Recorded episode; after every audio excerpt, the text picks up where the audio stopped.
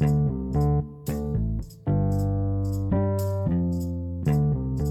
Evet kıymetli takipçilerimiz, çok değerli dinleyicilerimiz yepyeni bir sezonla karşınızdayız. Bu sezonda ayrıksı muhabbetler edip sizleri meşgul etmeyi planlıyoruz ama sizi meşgul ederken aslında bunu tam bir meşguliyet olarak algılamayın. Gene çok farklı bilgilerin yer aldığı ancak biraz daha sohbet muhabbet havasında gerçekleştireceğimiz bir sezon olacak. E tabi ha işte bak belli. E tabi bana gene bu sezonda ayrıksı şeylerin bitirim ikilisi Gökhan ve Emirhan Beyler eşlik edecekler. Maalesef gene yalnız değilim. Yalnız olmayı yeğler miydim? Yeğlerdim. Abi yapalım. Biz onu senin şey sezonundan biliyoruz zaten. YouTube'da paylaştığımız sezondan. Sezonun adı neydi? Bir dakika. Sezonun adı neydi? Sezonun adı şeydi. Çok Neydi? güzel bir soru. Öncelikle bu soruyu sorduğun için seni tebrik ederim güzel kardeşim. Sen Doğu Perinçek misin oğlum? Niye böyle yapıyorsun ya? Adam akıllı cevap versene. Hatırlamıyorum. Başkalarının hayatlarını yaşayanlar. evet oydu. Tam ben diyecektim ağzımdan aldım. Tavsiye ediyorsun değil mi o sezonumuzu dinlemeyenlere, Öncelikle izlemeyenlere? sezonumuzda tavsiye ediyorum. Onun dışında da tek başına da bayağı almış yürümüşsün yani. Hiç bize ihtiyacın yokmuş aslında senin. Yani Bir saniye çıkın dışarı.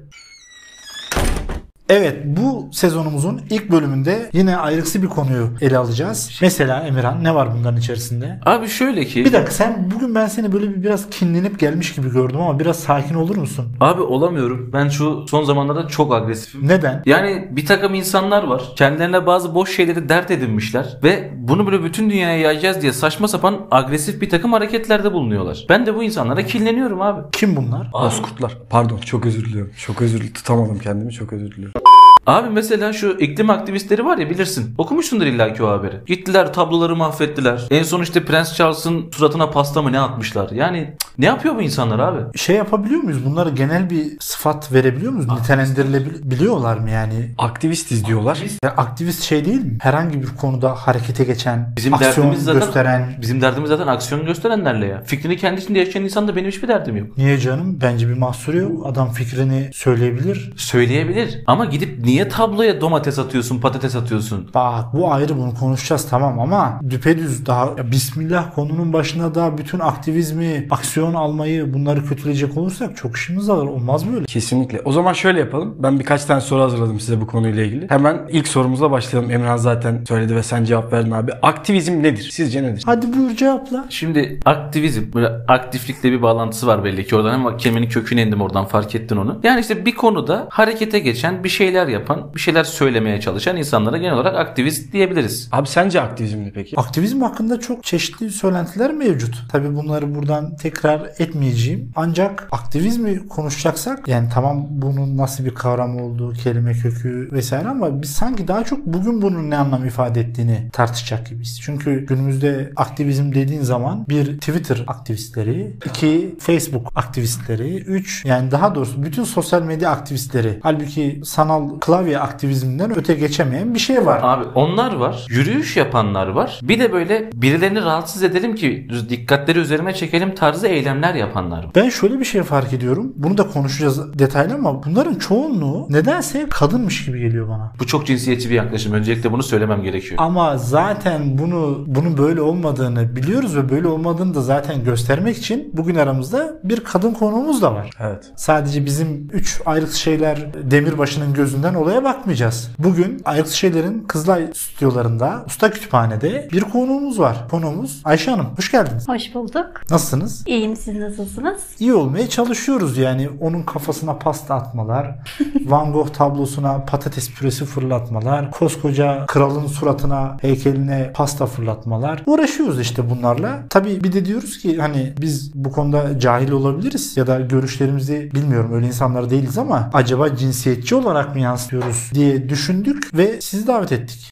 Ben bir şey merak ediyorum. Az önce dedim yani nedense Emirhan sana söyledim. Bu tarz aktivizm hareketlerinin en önde gelen eylemlerini yapan kişiler genelde kadınlarmış gibi geliyor bana. Ayşe neden kadınlar böyle? Niye biz bunları daha çok kadınlardan görüyoruz ya da ben mi yanlış düşünüyorum? Hep çünkü ele aldığımız haberlerde yayınımızı hazırlarken incelediğimiz gündem maddelerinde de hep kadınlar ön planda. Neden? Kadınlar biraz daha ince düşünüyor bence bu konuda. Yani daha fazla hani kadın olarak sesimizi yükselttiğimizde erkeklere göre daha bir insanların dikkatini dağıtabileceklerini olduğunu düşünüyoruz ben. Evet, dikkat Öyle çeker. mi? Dikkat çeker. Öyle mi? Yoksa bir eylemde ya da bir yürüyüşte ön safa kadınları dizmek biraz daha politik bir hamle mi? Yani eğer ön safta kadınlar olursa üzerinde silah sıkmazlar da su sıkarlar en fazla gibi bir hamle mi acaba? Yani bu bence değişir herkese göre. Ülkesine göre bile değişir bu. Yapan, eylemi yapanlara göre de değişir. Ben şöyle düşündüm. Mesela daha önce de ayrık şeylerin sezonlarında bahsetmiştim. Aslında kadın unsuru hem reklam piyasasında hem başka pazarlama alanlarında satan bir unsur.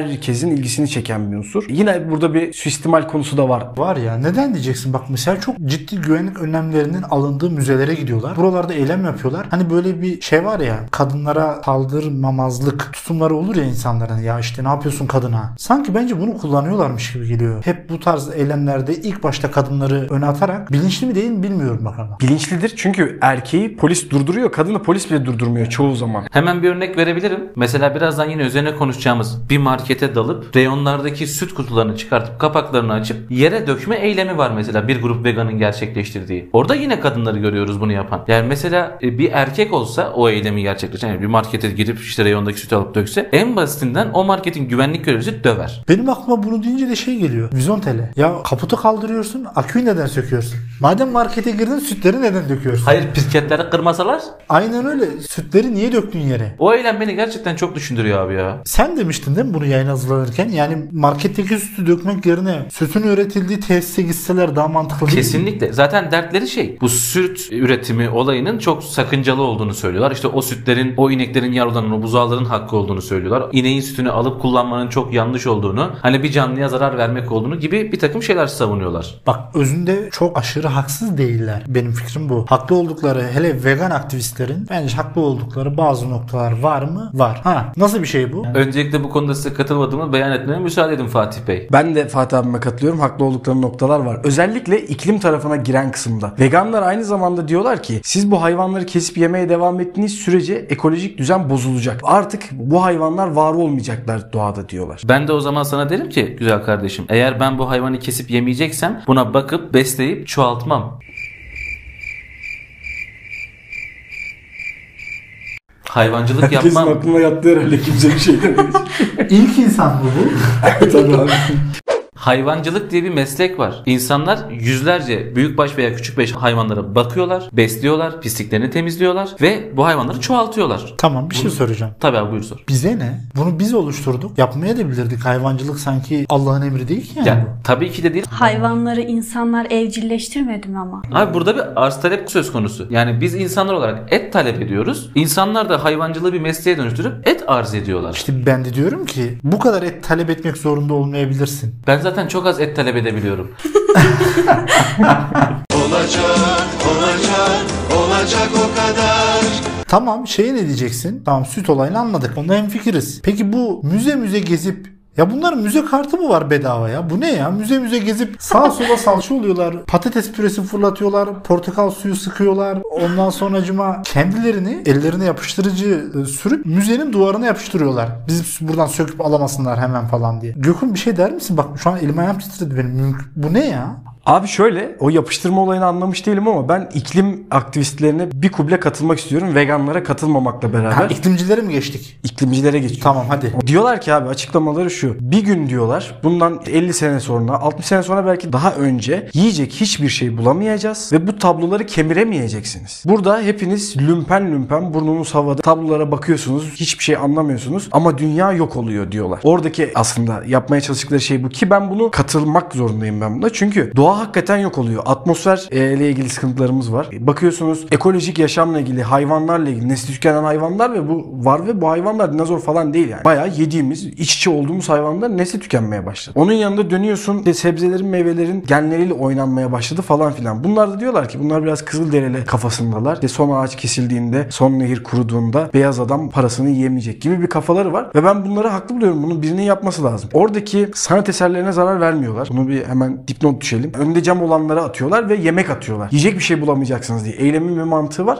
Çok özür dilerim. Madem yiyecek bir şey bulamayacağız bir noktada niye elimizdeki yiyeceği ziyan ediyoruz? Şu an farkında olunması gerekiyor çünkü. Şimdi şöyle düşün. Sen bir şey yapmak istiyorsun. Bir şeye dikkat çekmek istiyorsun. O şeye dikkat çekebilmen için senin herkesin baktığı yere. Hani Ankara'nın metro altında buraya bakarlar diyorlar ya. Gel gör ki kimse bakmıyor. Evet devam. Gibi buraya bakılacak bir yerde bu eylemi yapman gerekiyor ki. Bak mesela Londra'da böyle bir şey olmuş. Şu an burada bunu konuşuyoruz. O adamların hiçbirini tanımıyoruz. Gibi. Bunun yapılması gerekiyor. İklim sorunu hakikaten büyük bir sorun. Bu ekip kendini çok iyi tanıttı. 3-4 tane eylemleri var bunların ve kimse de dönüp demiyor ki ya bunlar müzeye girdiler sıkıntı çıkarttılar bunları buraya almasak mı acaba? İngiltere'de oluyor. Dikkatini çekerim. Ben ona da baktım. Nerelerde oluyor diye. Almanya'da, ABD'de, İngiltere'de oluyor. İngiltere'de daha ağırlıklı. İngiltere biliyorsunuz özgürlükler ülkesi ya. Yani en marjinal uçlar İngiltere'de rahatlıkla yaşamlarını sürebiliyorlar. İngiltere öyle bir yer olduğu için İngiltere'de varlar ve ben bu iklim aktivistlerine katılmak zorundayım. Çünkü dünya böyle bir yere gidiyor. Mesela şey örneği var. Ben bunu yapan birinden dinlemiştim. İstanbul'da Doğu Türkistan'la ilgili bir eylem yapacaklar. Gidiyorlar bir Çin restoranının önüne öldürülmüş bebek yani o simgeyi veriyorlar. Bebek oyuncağı bırakıyorlar. Bebekleri öldürüyorsunuz. Camına da mavi boya atıyorlar. Şimdi bu bir eylem. Ne diyor? Çinliler e, suç işliyorlar. insanlık suç işliyorlar Doğu Türkistanlılar Uygur Türklerine karşı. E bunun bir benzeri işte. iklimi öldürüyorsunuz. iklimi katlediyorsunuz. Ben de sizin değer verdiğiniz şeylerin üzerine ileride bulamayacağımız nesneyi atarım. Gibi Kalk kalk ben ikna oldum. Ben olmadım abi. Sağa sola gidelim, müzeye gidelim,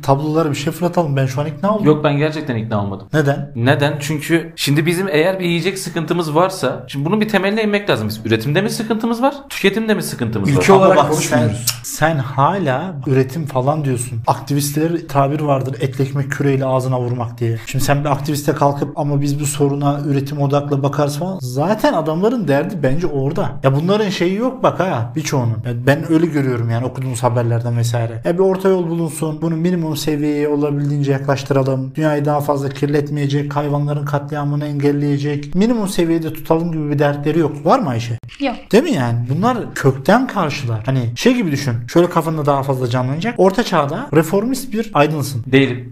Ya mesela Peki. For example. Ama değilim onu da söylemek Ya isterim. mesela Peki. Orta çağda reformist bir aydınsın. Kiliseyle savaş içerisindesin. Kimse de kalkıp diyor mu iki taraftan? Ya kardeş hele gelin şu orta yolu bir bulak, bir oturak, bir konuşak. Bu böyle olmaz. Din elden gitmesin. Bir yandan da bu işte büyük değerli aydınlarımızdan o. Hayır. Birbirini kesiyor millet. Yani bir ortası yok bunun. Kilise çok keskin, çok katı. 2 2 daha 4 diyor. Bunu diyor asla gevşetemem diyor. Abi ama ben şurada kafama takılıyor mevzu. Yani şimdi aktivistin aslında ilk birinci amacı dikkat çekmek mevzuya. Bakın işte iklim krizi var. Bakın işte yakında yiyecek bulamayacağız. Sizin bu sanat sepet dediğiniz şeyler yenmiyor mantığıyla yola çıkıp mevzuya dikkat çekmek için bütün dünyanın konuşacağı bir şey yapıyor. Ama işte ben bak az önce dedim ya bu özellikle iklim aktivistlerine haklılık payları var mı? Var. Ama şuna da karşıyım ben. İlla bu bir sanat galerisinde mesela böyle bir haber vardı. İşte 110 milyon dolarlık tabloya patates püresi fırlatmışlar Almanya'da. Evet. Tamam da ben şuna da çok karşı değilim yani bir sanat eseri 110 milyon dolar olabilir mi? Benim fikrime göre olabilir. Hatta 500 milyon dolar da olabilir. Sanat eseri bence paha biçilemez sanat eseri de olabilir. Buna birisi bu parayı veriyor diye sen kalkıp siz bütün bu paranızı Gökhan'ın deyişiyle sanat sepet işlerine harcıyorsunuz. Dünyadaki iklim meselelerine, gıda sorunlarına bu paraları harcamıyorsunuz. Ya bu sanatsever bir adamın derdi olmak zorunda mı? Bence değil ya. Bence öyle abi. Çünkü sanatın devamlılığı nasıl sağlanacak? Sen bir Olmasın. şey bulamazsan. Olmasın. Şöyle- Tükensin. Böyle insanlar da var. Bu da bence saygı duyulmayı hak ediyor. Yani sanat sürdürülebilir bir şey olmak zorunda değil. İnsan insanlığın kaderi de sürdürülebilir olmak zorunda değil. Neslimiz tükenebilir mi? Tükenebilir. Ne yapalım? Sanki ya, tükenmeyecek diye bir şart mı var? Ha bak şu olabilir. Tane daha öyle bir haber vardı. Ee, vegan aktivistlerden bir tanesi hem de sosyal medya fenomeni kendisi hanımefendi. Bir moda evine yürüyerek giriyor. Burada eylemini yapıyor. Protesto etmek için de hemen hemen vücuduna hiçbir şey giymiyor. Hem de etrafa elindeki şişeden Hem kendi üzerine hem de zemine etrafa kan döküyor. Aynen kan döküyor ve burada da şunu yapmak istiyor.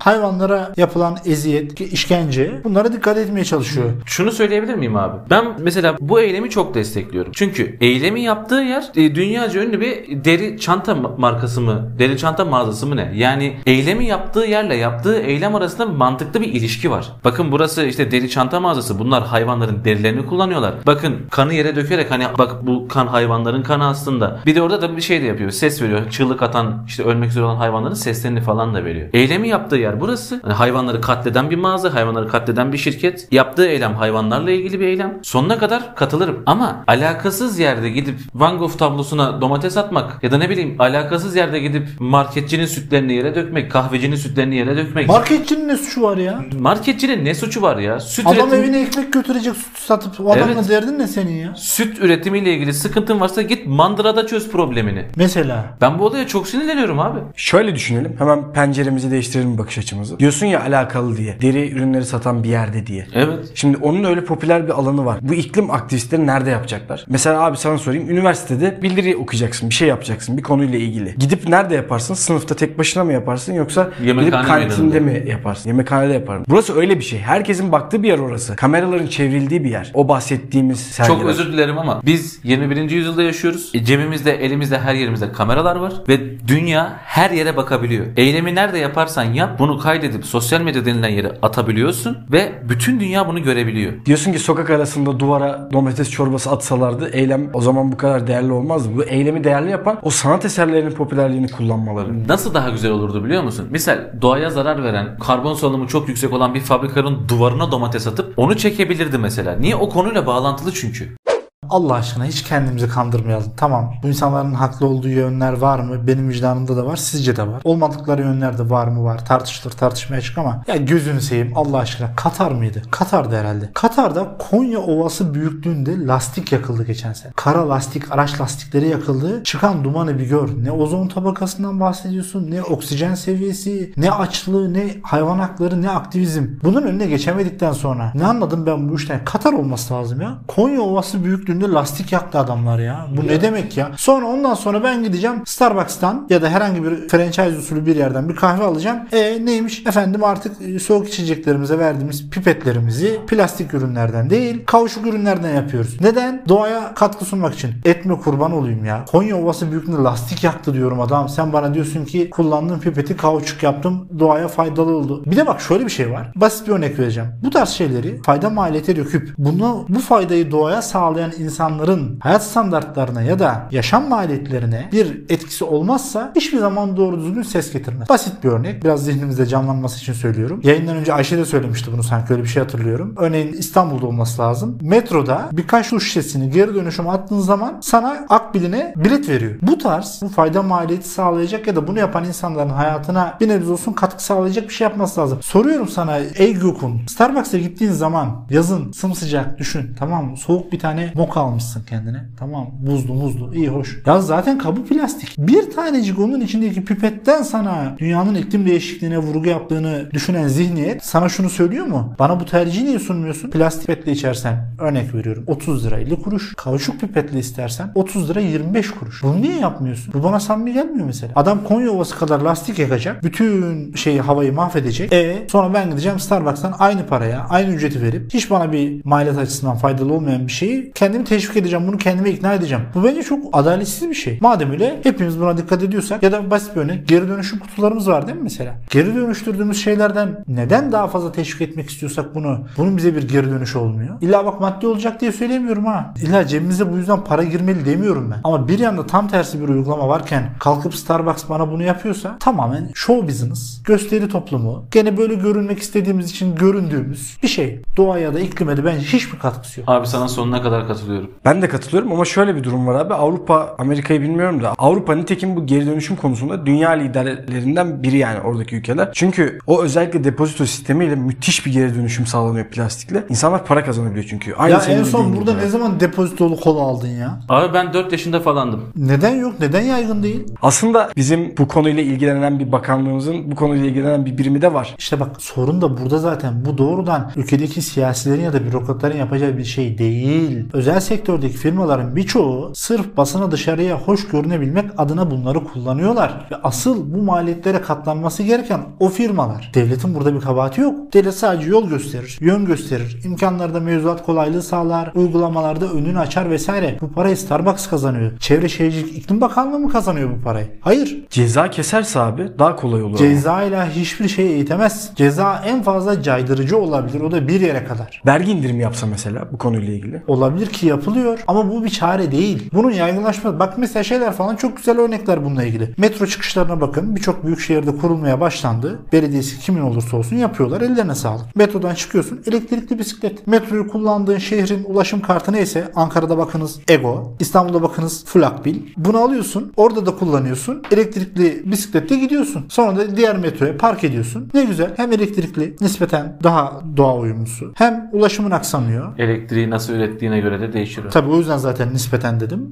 Belki şey de olacak bak ha. İleride bu elektrikli araç şu an şeyleri var ya çoğalıyor ya. Yani ileride sanki çok da sağlıklı olmayacakmış gibi geliyor. Elektrikli araç mı? Komple bütün dünyanın elektrikli araç kullanması. Abi ben onu sabırsızlıkla bekliyorum o elektrikli araç meselesini. Neden sağlıklı olmayacak gibi duruyor dedim. O kadar çok elektriği doğrudan doğal yöntemlerle üretebileceksek tamam. Mesela bütün dünya bir büyük bir rüzgar ya da güneş enerjisi santrali kurulacaksa sen doğalgazdan da elektrik üretiyorsun. Evet. akaryakıt gibi sınırlı kaynaklardan da elektrik üretiyorsun. Yani benzini bırakıp ben gene e, sınırlı bir e, kaynaktan elektrik üreteceksem ne anladım? Onu da doğaya salıyorum ürettikten sonra. Şu an abi güncel gündem şu. Bu elektrikli araçların hem tekerleklerine hem de üstlerine dinamo ve güneş paneli şeklinde onu geri dönüştürme ya da fren sistemiyle Çok güzel. geri Bunlar- dönüştürme var. Bunlar tamam ama tamamının da böyle olacağını zannetmiyorum ben. Gelene kadar olabilir abi ya. Şu an çünkü bizim tamamen elektrikli araca geçmemiz 3 aşağı 5 yukarı yine bir 25 seneyle 50 sene arasında alacak ve o zamana kadar gelişir bu teknoloji. Yani tabii ki ayrıksız şeyler olarak temennimiz bu konuda da güzel gelişmelerin olması. Ve hatta şöyle olacağını düşünüyorum ben. Benim akranlarımın Türkiye'de ya da dünyada zaten geçti de en azından Türkiye'de benim akranlarımın ilk arabası elektrikli olabilir.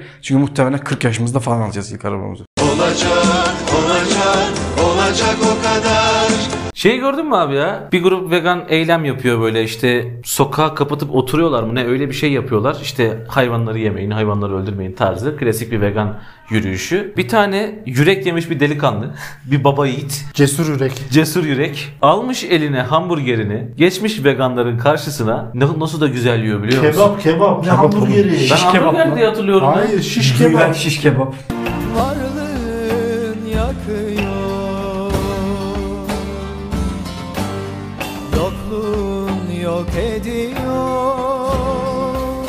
Aa şiş kebap yiyordu Kebap, evet. kebap. Doğru doğru. Bir de yalıyor yemiyor da.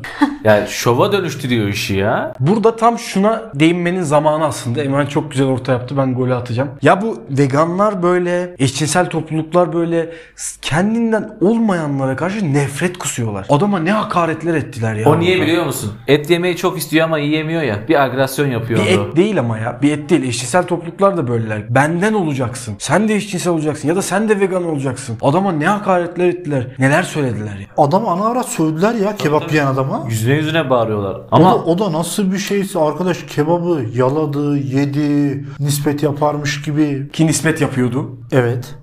Abi bir şey diyeceğim ya. Sen demin hani şey dedin ya nispeten ben veganların işte haklı olduğunu düşünüyorum gibi bir şey. Neden biliyor musun? Neden abi? Neden gezen tavuk yumurtası diye bir şey vardı? Abi onun ben sana sebebini söyleyeyim. Köyde yaşayan bir insan olarak. Köylü insanlar tavuklarla uğraşmak istemiyorlar. Yemlemek istemiyorlar. O yüzden çayıra salıyorlar tavukları. Günümüz insanlarındaki bu doğal olan şeylere meraktan faydalanıp bunu daha pahalıya satabileceklerini fark ettiler yakın zamanda. Katılmıyorum. Neden? Çünkü benim bildiğim yumurtada yanlış hatırlamıyorsam 4 tane sınıflandırma var. Evet kıymetli dinleyicilerimiz marketten herhangi bir yumurta aldığınız zaman ayrıntı şeylerde öğrendiğiniz bu bilgileri lütfen kullanın. Medium, large. Dur. Hayır hayır. Ayrıksız şeylerle bilgileniyoruz. Evet. Ayrıntı şeyler markette. Yumurtalara bakın. Sarı ya da kahverengi yumurta fark etmez. Çift sarılıymış, beyazmış hiç fark etmez. Her yumurtanın üzerinde bir damga olmak zorunda. Bu damga olmadan satamıyorlar. O damgada da 0, 1, 2 ve 3 numarayla başlamak zorunda. Bu rakamla başlamak zorunda. Örneğin 0 tire işte tr bilmem kaç bilmem kaç. 1 tire tr bilmem kaç bilmem kaç. Bu 0 ile 3 arasındaki başlayan rakam şunu gösteriyor. 0 ise eğer yumurtanın başındaki güvenle yiyebilirsin. Neden? Baya baya bildiğin doğada, merada, sağda solda hakikaten gezen tavuğun yumurtası o. Öyle üretiliyor. Bir, bunları ben biraz daha böyle kendi deyimlerimle söylüyorum. Sıfırdan eminim ama sıfırdan 3'e doğru hayvanın hareket alanı azalıyor. 3'teki tavuk kim biliyor musun? Ömür boyunca sadece bir yerde sabit durup beslenip yumurtlayıp ölen hayvan. 3 numaralı o. Ve bakın en ucuz yumurtada 3 numaralarla başlar. 3 TR diye başlar. Tabii ki bütçeniz cebiniz el veriyorsa 3 TR ile başlayan yumurtayı değil 0 ile başlayan tercih etmeniz daha güzel olacak. Ben veganlara bu konularda hak veriyorum. O 3 numarayla başlayan tavuğun günahı ne kardeşim? Hayvanın bir ömrü var. Bütün ömrü boyunca sabit bir yerde tıkalı. Sadece besliyorlar. Habire yemek yediriyorlar. Yem veriyorlar. Hayvan yumurtluyor. En sonunda da Tabii, evet. ölüyor gidiyor. Sağlıksız mıymış yumurtası abi? Hiç hareket etmeyen bir hayvanın herhangi bir besininden sağlık bekleyebilir misin? Ben de oraya Hiçbir gelecektim. vücut kası gelişmiyor. Her tarafı yağ kaplı hayvan. Ben, ben de oraya gelecektim. Karaciğer bitmiş Şimdi ya. sen mevzuya çok böyle şefkatli bir noktasından baktın abi. Hani hayvan hareket etmiyor yazıktır bir ömür tabii ne boyunca. yapalım? Sen anlatınca benim aklıma ilk şey geldi. Acaba hayvanın gezme miktarının yumurta kalitesine etkisi ne? Ama şimdi bu çok teknik bir konu. Biz yumurta üreticisi değiliz Emre abi. Tabii ki de değiliz ama tüketicisiyiz ya. Ben o yüzden merak ettim. Tamam sıfır ya da bir numarayı al geç işte. Paramız yeter. Ya kaç kilometre yürürsünüz? Ya ben şunu... Ya bir tavuk günde ya bu maraton mu koşsun istiyorsun Ya sen yok ben koysun istemiyorum. Ben şunu şimdi 3 olan daha ucuz ya. Hani Evet. Sen onu alacaksın bahane mi arıyorsun? ya ben fakir adamım kardeşim ya. Ya işte diyoruz ki 3 olan tavukların kaderiyle 0 olan tavukların kaderi bu bile bir adaletsizlik yaratmıyor mu Emirhan? Biz insanlar için bile adaleti sağlayamıyoruz. Sence derdimiz tavuklar mı olmalı diye soruyorum sana abi. Ama bir yandan da şöyle düşünmek gerekmez mi? İnsanlar için adaleti sağlayamıyorken bile olsa tavuklar için adaleti neden sağlamıyor? Bizim için adaleti senin sağlayamıyor olman tavukların için olmasından öndeki engel ne? Eğer bir adalet sağlanacaksa İşte bak ben diyorum ki önce bana sağlansın. Aktivistler zaten burada karşı çıkıyorlar. Temel itiraz konularından bir tanesi de bu. Nedir bu insanoğlunun bencilliği? Önce ben, önce ben, önce ben. Kardeşim Mars'ta bile bir hayat söz konusu olabilir. Önce sen olmayabilirsin. Onu da Elon Musk düşünsün abi. Bir şey diyeceğim. Emrah içine içine uzak duramam. Ulan Mars'ta bile yaşayanlar insan gibi yaşıyordur. Ben burada nasıl yaşıyorum? Mars, Mars'taki astronotların durumu bizden daha iyi ya. Ha bir de şey vardı ya bu Rusya'da bak bak abi aktivist dediğin böyle olacak. Niye? Hareket etmeyecek. Aktivistin pasifine geldik abi. Harekete geçmeyecek. Rusya'da savaş karşıtı bir aktivist ormanda yaşamaya başlamış. Güney Rusya'da isimsiz bir bölgeye kamp kuran aktivist hayat hakkında da bir de utanmadan açıklamalarda bulunmuş. Rusya'da IT uzmanı ve savaş karşıtı olan bir aktivist orduya alınmamak için uzak bir ormanda kamp, kamp kuruyor ve halkı vahşi doğadaki hayat hakkında bilgilendiriyor. İsmi de Adam Kalinin. Ya sen adam mısın bir kere? Yani tövbe estağfurullah. Ya, İsmi takmaymış bu arada. Ha takma mıymış bir? Kendi ismi değilmiş abi. Can güvenliğim için kendi ismimi kullanmıyorum demiş. Abi çok özür dilerim de bu kesin seferberlik ilan edileceği için kaçtı. Evet, ya bak evet. detaylı bak zaten öyle söylüyor. Kısmi seferberlik ilanına rağmen hani ülkemde kalacağım ama diyor ben diyor doğada yaşayacağım diyor. Böyle bir Tamam işte abi adres belirtmiyor bir şey yapmıyor ormanın içinde kayboluyor adam. Evine gittik yoktu. Askere gitmemek için ne takla attı bu Ruslar. Bak şöyle bir şey olabilir. Bu arada bu da bana çok şey gelmiyor. Yani bu tarz toplumlarda savaşa katılmama isteği vesaire olabilir. Yani her toplumda var. Bizde de var yani. Biliyoruz savaşlarda bir sürü asker kaçağı var. Yani 3-5 tane de değil yani. 10 binlerle sayadığımız Kurtuluş Savaşı'nda asker kaçağı var. Asker kaçakları için kanun çıkarttı. Abi o başka ama ya. O, o durum başka yani. Şu an Neyse bak şimdi bir de bir de şöyle bir şey var. Tamam bunu yaptın. Kalinin efendi. Bir de Mediazone isimli bir internet sitesine konuşup diyormuş ki neden ülkemi terk etmek zorunda kalmalıyım? Gıda sağlamak için kamp kurduğu yere yaklaşık bir saat uzaklıktaki bir yere temel malzemelerin bulunduğu bir konteyneri yerleştirmiş. Bir de utanmadan çadır açmış. Efendim neymiş? İşte ben savaş karşıtı olarak burada böyle bir eylem yapıyorum. Aktivistin oturanı mı olur ya? Ormanda tilkilerle mi, çakallarla mı, kuşlarla, börtü böcekle mi sen eylem yapıyorsun? Kimi ikna edeceksin? Ey Kalinin. Abi çok özür dilerim ama adam dağın başına çadır açmış interneti var. Dağın başında bile bizden daha iyi şartlarda yaşıyor. Benim evi de hiç çekmiyor ya. Abi sorma ben de çok zor durumdayım bu aralar. Emrah Yani. sen belediye yardıma mı başvurdun da bu da şov yapıyorsun? Şey yapalım Ben mı? Çankaya Belediyesi ileride istersen bir gidelim. Abi Çankaya Belediyesi en azından parklarda marklarda ücretsiz internet veriyor artık. Ciddi misin? Evet evet çok güzel şeyleri var onun yani. Bize daha nasip olmadı. Düşün bak Çankaya Belediyesi parkta internet veriyor. Bizim yurt bize internet veremiyor kardeşim. Nasıl canım? Veremiyor abi. Ya bırak bunlar iftira. Sizin rektör Aktivist misin sen? Neymiş? Aktivist misin? Ben yok abi ben pasif bir Komünist misin? Hayır abi. Pasif misin? Aynı zamanda bu adamın açıklamaları içerisinde şu da var. Diyor ki iki çadırım var. Işık alan, pencereli olan ve daha stabil olanı bir om yaptım. Orada iş yapıyorum, çalışıyorum diyor. Adam bayağı yaşama alanı kurmuş. Bir de bu Rusya'daki savaşla ilgili ya Türkiye'de artık normalde otobüs durağında beklerken Suriyeliler gelirdi, Afganlar gelirdi. Şimdi Rus bebeleri, sarı sarı Rus bebeleri gelip aynı durakta bekliyoruz. Türkiye'nin mülteci kalitesi de artıyor arkadaşlar. Farkında mısınız bilmiyorum ama. Allah kimseyi mülteci konumuna düşürmesin ama bir çeşitlenme olduğu da tabii gerçek. Ben Amerikalıları bekliyorum. Amerikalı mülteciler ne zaman gelecekler acaba? Gelmesin onlar. Evet kıymetli takipçilerimiz bu bölümümüzde ayrıksı muhabbetlerin bu sezonun ilk bölümünde veganları, aktivistleri konuştuk. Hatta çok çok konuştuk. Emirhan bir de feministleri neyse ya feministleri de sonra konuşuruz Abi artık. ona da ben bir sonraki programda araya sıkıştırırım ya. Hatta sıra gelmedi. Bir dakika Ayşe Ayşe'ye söz verecektik. Bak Ayşe de hiç konuşmadı feministlerle ilgili. Tamam o zaman şöyle yapıyoruz. Bir sonraki bölümümüzde değil ama bu ayrıksı muhabbetlerdeki bölümlerimizden bir tanesinde de feministlerle ilgili özellikle Emirhan'ın söylemek istedikleri var. Bunları konuşacağız. O bölümde de tekrar Ayşe'yi konuk alacağız. O zaman bu şekilde bu bölümümüzü burada noktalıyoruz. Ayrıksı muhabbetlerin bir sonraki bölümünde görüşmek üzere. Görüşmek üzere. Görüşmek üzere. Görüşmek üzere.